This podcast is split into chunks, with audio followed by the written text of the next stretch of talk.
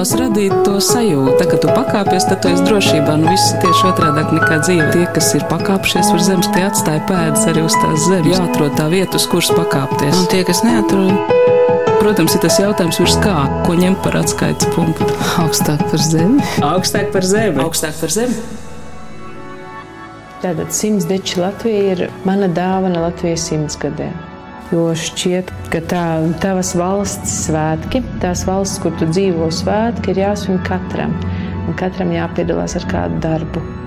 Un tas, kad valstī, zemē, kur tu dzīvo, jādāvina tas, ko tu mīli. Tad, ja tu mīli, piemēram, dejot, tu dejo. Ja dziedi, tad dziedi dziesmu svētkos. Es arī ļoti, ļoti patīk aust mīlu, un es arī izdomāju, ka es varu Latvijai dāvināt to, ko es mīlu visvairāk. Esiet sveicināti! Runātāja ir tekstilmāksliniece Annela Lišāne. Nu jau atpazīstam daudziem, kopš viņas no neparastiem materiāliem austās segas izstādē simts deču Latvijai ceļo pa Latviju. Mans vārds ir Anna Bušvica, un man gan liekas, ka šai simts deču stāstā vēl palicis daudz neizstāstīta. Anēls Slišāns stāsts ir daudz bagātāks. Tas sāks ar upīts ciemu Krievijas pierobežā, un tas ir stāsts arī par pārējai Latvijai vēl atklājamu Latgals kultūras kopēju dzēnieku un Anēls tēvu Antonu Slišānu. Taču Annels Slišāns stāsts ir arī mātes Irēnas dzimtes stāsts par stēlēm, kas stāv Zelču salas, kādreiz liela un rosīga ciema, pēdējās apdzīvotajās mājās. Annels Slišāns šobrīd dzīvo Rīgā, taču katrā cilvēkā ir kāda neapjausta atmiņa tāda kā mātes plate, kas nosaka lietu kārtību ne tikai datoros, arī katrā no mums. Nu jau Anēls Lišāne pati ir māte sešiem bērniem. Mātes plate šāds nosaukums dots arī viņas jaunākajam mākslas projektam. Anelē ir trīs atšķirīgi jomu augstākās izglītības. Viņa Latvijas universitātē ir studējusi fiziku, matemātiku, viņa pārzina turismu pasākumu organizēšanu un nesen pabeigusi Latvijas Mākslas akadēmiju. Taču izvēlējusies kļūt par skolotāju, nu jau ar 20 gadu stāžu, un to, ka viņa spēja ieinteresēt, iedvesmot, apliecina kaut vai raidījuma sākumā skanējušais fragments. Tas ir no Niklausa Rubeņa, Anēlas Slišāns skolnieka privātskolā Patnas veidotās filmiņas. Un, lai nepaņemtu par plašu ielpu tik daudz šķautņainam stāstam, es tīši sāku ar visvienkāršākajiem jautājumiem. Annela, kur tādu vārdu var dabūt? Piedzimta Latvijā, bet īstenībā vārds ir veltīts vecmāmiņai, kura bija Anne. Anne, un tad, lai mīļāk mazam bērniņam ir Annele. Man jau, protams, Anna Brigadēra nāca prātā. Jā, jā, man ir daudz prasa, bet ne. Tā ir. Jums visiem ģimenē tāda eksotiska vārda. Tāda mīļa. Mīļa ir, tad ir Lienīte, brālis Andris un Mārīte. Jūs esat meitenēm. četri jā. kopā. Hm? Tu nāc no upītas ciema. Jā. Tā ir ļoti īpaša vieta. Upītas ciems ir, ir kolhoza centrs. Tieši kur mēs dzīvojam, pēc upītas ciems, kolhoza laikos uzcelts, nu tādā principā purvainā vietā. Atvesta skola, no izsūtīto mājām savas salikta skola guļbaļķu, kurā mēs mācījāmies visi, un tāda bērnības pasaule upīte centrs. Šajā brīdī man ir tas gūs pīsiet pirmūs nemateriālo kultūras mantojuma svētkus ar nosaukumu Gūdi. Viļaks novada Šķilbēna pagastu upīts ciems pagājušajā rudenī tika iekļauts Latvijas Nacionālajā nemateriālā kultūras mantojuma sarakstā. Rekaus Viļakas briežciem apkārtne jebkurš folkloras pētnieks jums izskaidros, ar ko šis reģions ir īpašs. Kartē skatoties, apdzīvotās vietas veido purvu mežu ieskautu trīsstūri, un šīs nošķirtības dēļ šai vietā ir saglabājies ļoti bagātīgs Ziemeļlatgals folkloras mantojums. Tā ir tā pati Krievijas pierobeža, kur robežas otrā pusē atrodas poetiskām zaudējuma sāpēm apvītā abrena. Un tomēr tas, ka upīts ciemā notiek tradīcijām bagātais festivāls Upīts Ābeļdārs, starptautiskais folkloras festivāls Ļipa Kust, ka upītē ir gan bērnu, gan jauniešu folkloras kopas, gan arī darbojas sieva etnogrāfiskais ansambls. Tas ir ne tik daudz senču mantojums, cik pašu cilvēku nopelns. Un personība, ko Latgalē zina labi, bet pārējai Latvijai vēl jāatklāj, ir Antons Slišāns. 2019. gada dzējas gada grāmatā bērniem Garā pupa pamatīgi Ineses Zanders sakārtota Antons Lišāna bērnu dzējas izlase.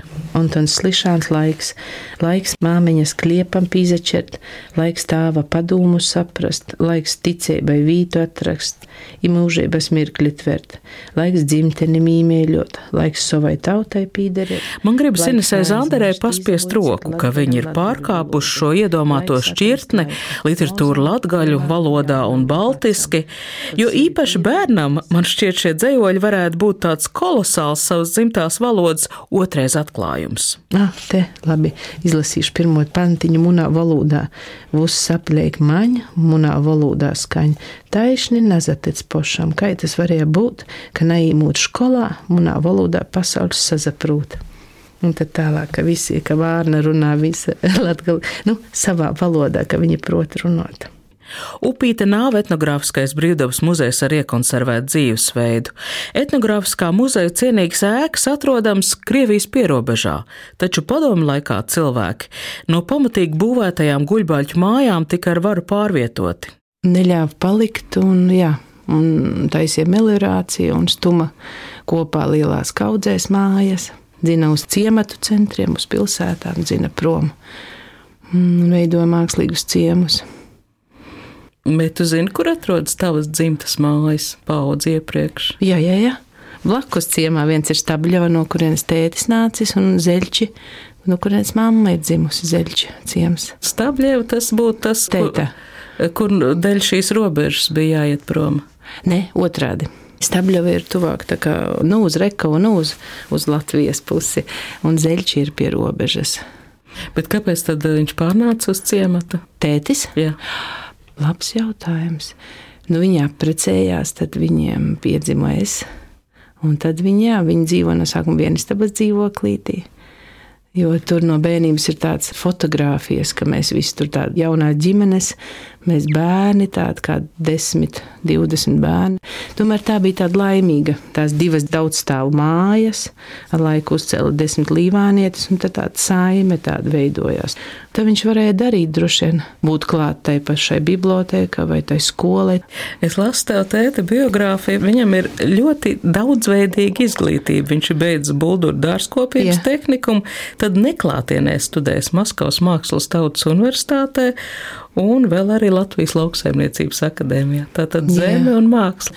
Māksla, lai saglabātu, lai parādītu citiem to skaistumu.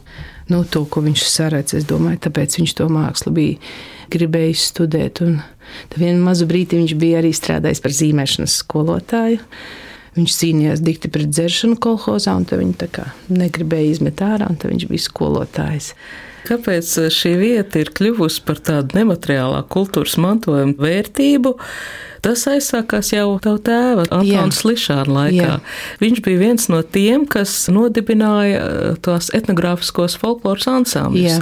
Rekavas, ja nemaldos. Rekavas bija pirmais, tad ir upīte, un tad arī apkārt briežu ciems un šķilbēni, un tad tā, tur bija ļoti daudz, un tad ar laiku arī bērni nāca klāt. Viņš jau uzskatīja, ka tam ir ļoti liela vērtība, un ka katrai nākamajai paudzei, ja to nelieto, tas pazūd, un tad nākošo paudzi saucot klāt, ka tas tiek saglabāts. Tad viņi arī ierakstīja, kā viņa mamma dzied lentēs. Ar baznīcas kungu, nu, visas dziesmas ir ļoti daudz lentes, kur sarakstīts, kā mamma dzied.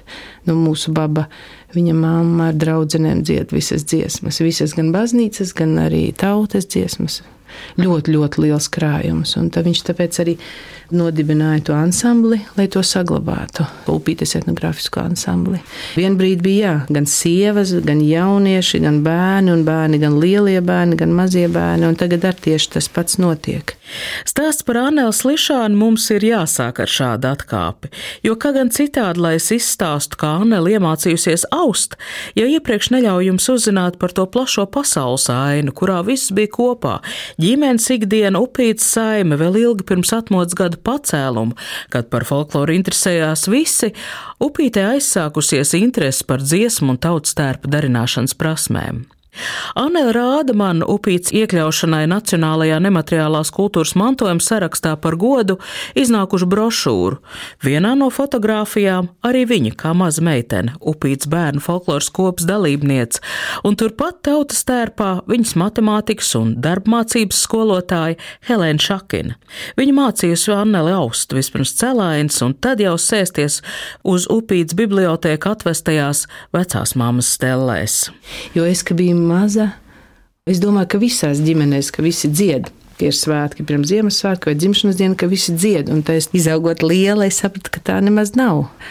Ko tu dziedi? Kādas tavas dziesmas? Tagad, tagad es dziedu nu, šūpuļdziesmas, visāds arī izdomātās, bet man ļoti patīk. Viena no mīļākajām dziesmām ir par maļīni. Tautas stāsts par to, kā māsu aizved prom. Nu, precinieki.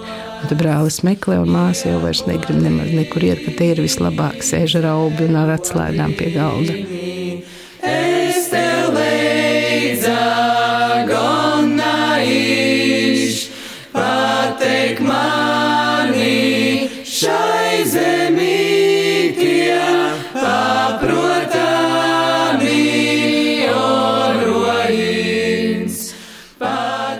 Tad man jāizjautā tev arī par Zelču salu. Šobrīd laikam vēl ir viļakā Jā. izstāde ar šādu nosaukumu. Izstāde ir veltīta zeļķiem, tādai manai vismīļākajai vietai pasaulē. Mēs maziņi gājām, tur dzīvoja mans baba un vecins. No bērnības ir tāds sajūta, ka tur ir visbrīnumainākā vieta, ka tur pa īstam dzīvo gan raganas, gan rīja vēlns. Gan no bērnības, gan arī no tēta stāstiem, nu, ka tā ir ļoti liela vērtība. Ka, nu, tas ir tāds, principā, mazs etnogrāfiskais muzejs vizuāli skatoties. Tur ir četru stūra apbūve, guļbaļķu latgaļu mājas. Un tas bija liels ciems ar 30 mājām. Un daudz bērniem. Mamma atcerās, ka vakaros varēja dzirdēt, piemēram, kā pāri upei, kas spēlē garmošku un dzied. Un, un tagad tas ir tukšs un ir tikai viena mūsu māja saglabājusies tā tāda. Šiem stāstiem par Zelču salu manā iztēlē pa vidu jaucas krietni krāsainākas bildes no sociālajiem tīkliem, kuros Anēls Lišāna ir stāstījusi par dabas spēkiem un piedzīvojumiem šajā īpašajā vietā. Tur sāk aplūdes, viss, viss apkārt ir. Jā, Un tu Jā. savās krāsainajās drēbēs, garajiem drediem plīvojot uz Zelču salu, kur tev ir stelles. jā, tā ir. Jo tajos plūdos mēs bijām pa īstam solam. Kad bija Latvijas tie trakie? 17. Aha, Un tad bija tiešām aplūda, un es sapratu, kāpēc ir tīkls. Es atradu uz klēts, ka tiešām te ir bijuši zvejnieki dzīvojuši. Tiešām mūsu māja bija uz tāda kalna, un upe atnāca, un upe, upe kur ir sabojāta melorācija, pārvērsta par grāvi. Viņi ir atcerējušies, ka viņa upe, un viņa atnāca, nu, atnāca un uztaisīja mūs par salu, un tā bija, nu, tāda brīnumaina, tāda sajūtas, nu, tāda pasaules sajūta bija atnākusi, un tad tu brienu lasi tās puķes, tieši tad es audu dzelziņu deči. Un viņas sāmirkušas un gliemeži sarāpojuši augšā, un viss izmircis, izmircis. Jā, tad bija solas sajūta fiziski. Mm, Tu saki, ka tava māja, mammas vecāku māja, Jā. ir vienīgā, kas vēl dzīve. jā, kur dzīvo? Bet tur regulāri dzīvo, vai tā ir tā kā tava darbnīca? Ir tā, ka es katru gadu apsolu vasarā, ka es vairs nebraukšu uz Rīgu, bet tad atnāk dubļi un aizdzen, aizdzen mani uz pilsētu. Tas ir tāds paradoks, ka visredzamākie latgals patrioti, tie, kas mākslā, grāmatās, filmās pieraksta latgals dzīvi un tagadni, paši dzīvo Rīgā. Es atnācu studēt. Es atnācu studēt uz Latvijas Universitāti fiziku. Fizikas un matemātikas fakultātē. Un tad tā arī paliku. Tad es izmācījos arī turisma skolā, pasākumu organizatorus, un pēc tam es iestājos mākslas pedagogiem turpat Latvijas Universitātē. Un tad pēc tam tagad akadēmija tekstilmākslas nodaļā maģistrus. Un no kurienes nāca tas impulss, ka tu vēlējies arī šo mākslas akadēmijas izglītību, un ka tas būs mm. tekstils?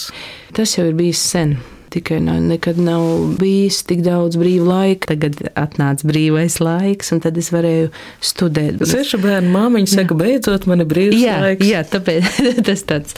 Bet tā ir, ka viss dzīvē notiek tā kā pareizi, un tad arī atnāk tie piepildās sapņi.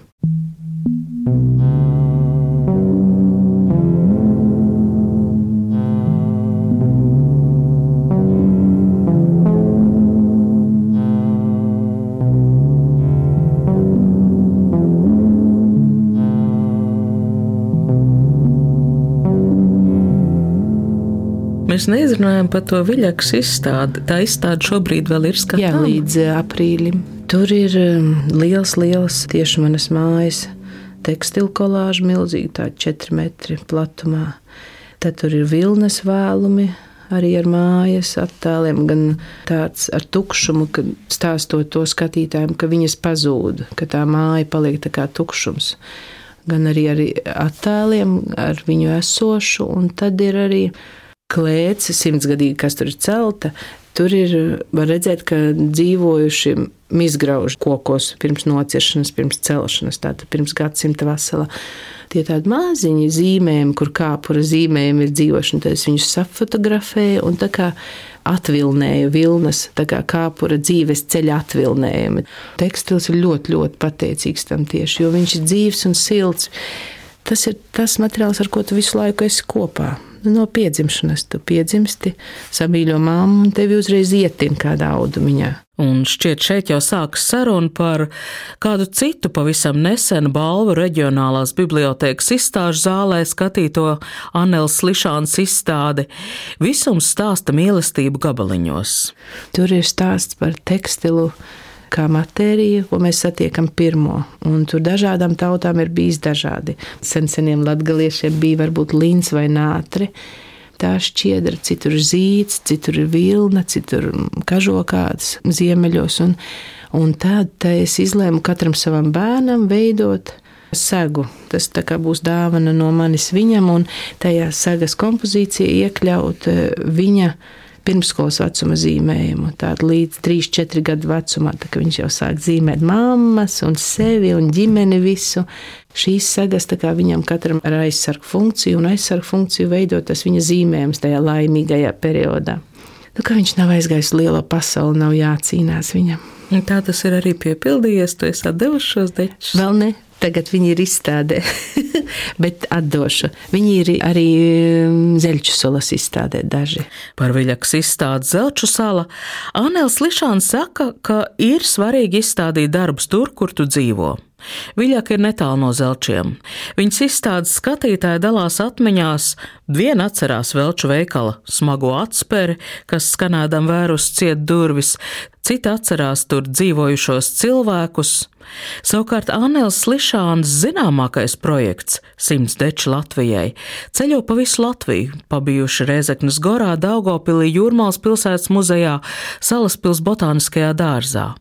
Un katrā vietā darba izlase un arī stāstu konteksts var būt atšķirīgs gan apstrādāt, gan neapstrādāt, kārklu lūki, linu lūki. Viss tas, no kā cilvēks ir visu laiku veidojis šķiedras, no kā. Botāniskajā dārzā šīs segas stāstu par augu smaržām, skaistumu. Citu segu stāstu būs par mūsdienām, telefona austiņu paudzi. Varavīksnē līdzīgs ir no flomāsteriem noustais deķis. Un trešā lielā daļa ir tas, ko mēs izlietojam un atdodam nepārdomāt dabai atpakaļ. Tas, ko izmetam ārā. Lai gan simts segu projekta iecer izaug no daudz pieticīgāk, savējo lokam adresēt nodoma. Anēls Slišāns pieteiktā pētījuma tēma, stājoties Mākslas akadēmijā, bija tekstīlīs no neparastiem materiāliem.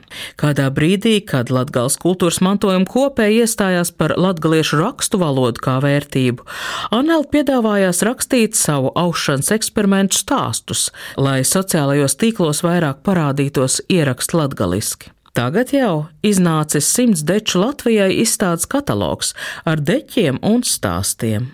Sākumā es iecerēju viņus veidot tā kā tāds poetisks apraksts tieši tā paša auga, kāds viņš ir tur dabā un tā. Nu, tāds tā kā ne manis tur klātesošs nav tik daudz, un tad ar laiku veidoja katru darbu, nu, tā smarža un tā sajūta naktī nāca un lika un runājās, un lika man atcerēties bērnību ļoti daudz.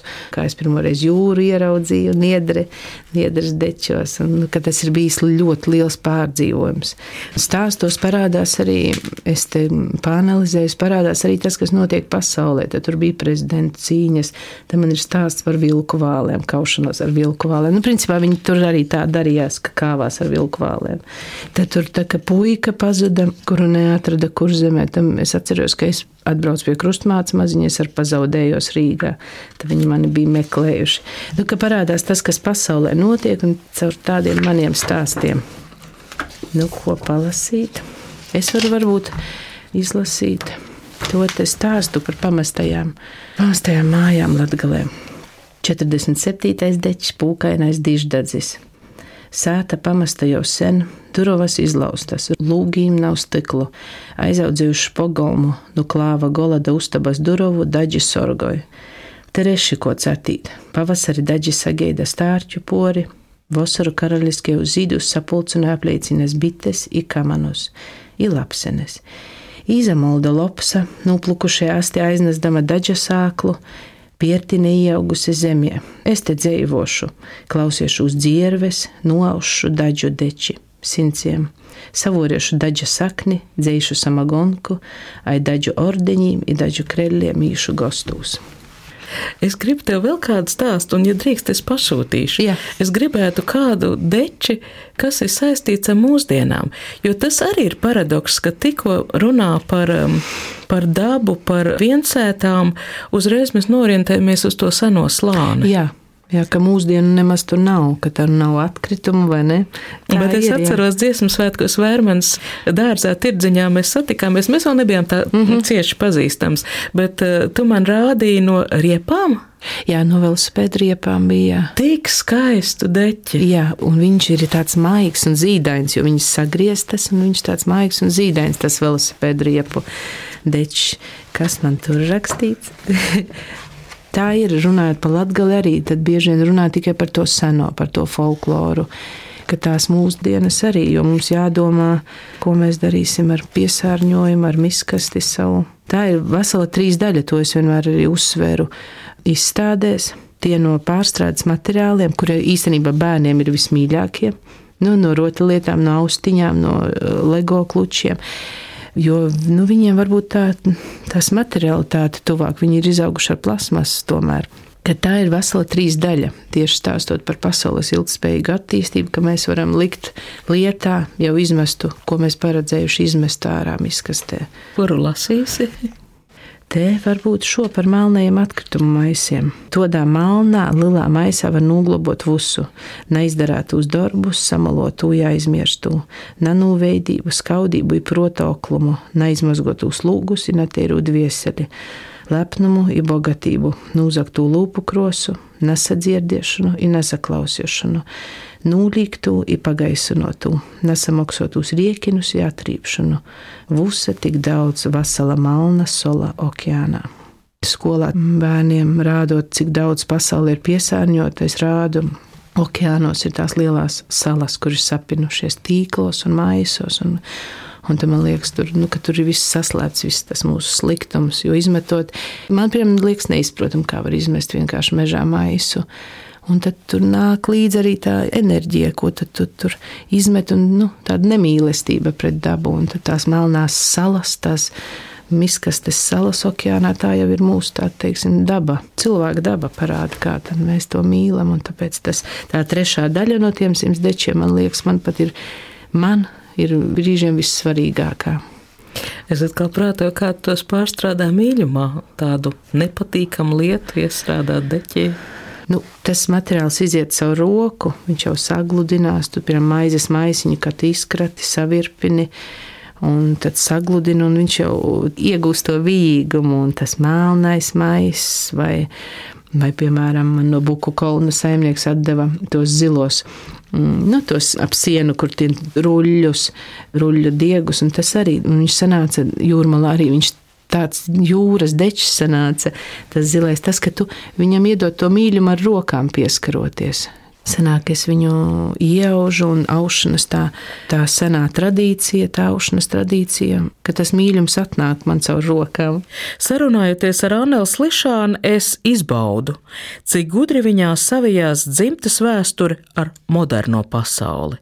Viņa prot rīkoties ar datoru, arī aust prot digitāli. Zelču salas izstādē izaudus vectēvu un vecās mācas fotografiju, un arī savus stāstus viņa stāsta mūsdienu vidē Kādu vietu tajā tavā visumā aizņem sociālie tīkli, iespēja parunāties, un man rodas iespējas, ka ne tikai šauri ar savējiem, kaut kā paust to savu pārliecību. Nu jā, sociālie tīkli ir iespēja izmainīt, jā. arī iesākt kaut ko no jauna, mainīt pasauli mainīt pasauli uz labo, jo to sociālo tīklu var izmantot arī komentāru neglītu izteikšanai, dusmoties uz pasauli, bet es to uztveru kā iespēju stāstīt par labo, par iespēju izmainīt, par to pašu atkritumu pārstrādi lietderīgi. Es vienmēr lieku arī no vizuālām stundām, agrāk, vai ceļojumus uz muzejiem, vai kādus lieliskus izdevušos darbus, ka tas ir iespēja mainīt pasauli. Anēls Lišāna ir taisījusi arī rotaļlietas no dzīves, no dabas materiāliem, taisījusi saviem bērniem, pārdevusi tirdziņos citu bērniem, taču no ierakstiem sociālajos tīklos es zinu, ka viņai ir viena lēle, kura nav gluži bērniem domāta. Lēlē izadītas smagas sievišķīgas formas, tā nav sejas vaipstu, bet ir kupli nepaklausīgi mati. Lilā lēle ir eh, mana reakcija uz datu aizsardzības likumu pieņemšanu. Lilā lēle esmu es. Tie ir mani selfiji kaut kādās noteiktās vietās, reaģējot uz to, ka cilvēki bieži vien, manuprāt, aizbrauc kaut kur, lai tikai uztaisītu selfiju. Tad man arī ir selfija uz uzartas zemes, uz iesaluša ledus, tāda, teiksim, ekstrēmas vietas. Un Liela ir mans palīgs, tā kā otrais, kura tad ceļo un taisa selfijas. Vai tu to Lielu izmanto arī strādājot ar bērniem? Nē, tā ir tikai mana lēle, kura man ir mugursomā. Un tā ir taisnība. Lēle mūsu sarunas dienā ir Anelēs Lišānai mugursomā un pēc sarunas top selfijas pie mikrofona. Taču esmu pamanījis vēl kādu Anēlas Lišāns mākslas projektu, kur tapšanā viņa izmantojas sociālos tīklus. Neko daudz nezinu, esmu redzējis tikai kādu attēlu. Vinilplati, kuras celiņos virknējas teicieni, kurus dažus es atpazīstu arī no savas bērnības. Projekts projekts saucās Mātes plate. Jā, tā mātes plate izvērtās tiešām par tādu socioloģisku, nu, tādu milzu pētījumu. Ja es uzrunāju sociālajos tīklos savus draugus, lai viņi atsūta, ko viņu mammas spēlē, ko viņi ir atklājuši, kas varbūt viņiem no mammas nācis kāds teikums. Vai no vecmāmas izdzīvojis, ko viņi izmanto arī savu bērnu audzināšanā. Un tas uzrunāja ļoti daudzus. Kas pats interesantākais, to mēs arī paši ar dalībniekiem pamanījām, ka pārsvarā lielā daļa bija nosodījumi nosodījumi, aizrādījumi, nopēlumi, ka tā māca plate izveidojās par tādu darbu, ka tā ir tā plate, ko principā spēlē latviešu mamma māte. Kas ir tavējie, ko tu šai kolekcijai pievienoji? Nu, man ir, jo es pamanīju, man meitiņa maziņa tagad, nu, viņa sāk lalināt, gads viņai, un te viņa avujē, ja kaut kas ļoti grūti, avujē, tas no avuj Jēzus. Tā kā man ir ļoti grūti, tad es saku avuj Jēzus. O, Jēzus! izmanto to vārdu, kas ir pilnīgi neapzināti nācis man no mammas. Es zinu, ka arī baba tā teica, un tam droši vien pavisam sena. Un tam man no mammas nācis tas, nu, ka jākārto istaba. Viņa arī teica, ka čūskas ātri dzīvos.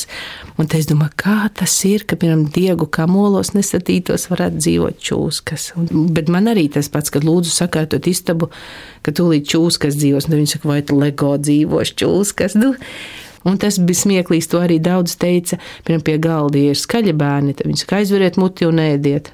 Pavēle neizpildām. Tos mīļos vairāk atcerās vīrieši. Paņem jaciņu nenosalsti, ka viņam mamma teikusi vienmēr arī tagad. Vai paņem zupiņu apēt, to viņš vienmēr atceras, vai tagad pieaudzis vīrietis. Par tādu nācu šurp samīļošu ļoti maz bija, vai kāds nu man labs un gudrs. Es palūdzu arī vidusskolā, vidusskolāniem uzrakstīt, nu, lai viņi pāranalizē savus ģimenes teicienus. Un tur tad parādās ir digitālās visādas lietas. Par telefonu aizēj, vai tu neesi jau sajūtas prātā, vai tev nav acis izskatītas no telefoniem. Nu, bet tā ir tiešām, tie ir tikai tagad radušies. Nu, tas teikums mācīt plati, tas ir arī kas datorā visu saturu un visu vada. Un tad tā māca plati arī, kas notur visu to mums, pasauli, to ģimeni, to skolu, jo skolā arī skolotājas ir mammas, nu, sievietes, viņas bērnu dārzos arī mm, kaut kādās uzņēmumu vadībās, ka viņi tā māca plati ar saviem teikumiem notur mhm. to visu pasauli.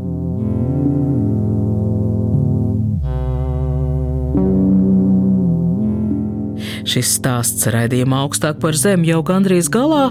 To veidoja Anta Bušvica, skaniski tapt palīdzēja Rēns Budze un Valdes Raitums. Mātes plata bija Annēlas Slišanas studiju gadu darbs. Pirmo reizi publiski izstādīts tas tiks pavisam drīz Latgals mākslinieku kopizstādē Marka Rotko centrā Daugopilī.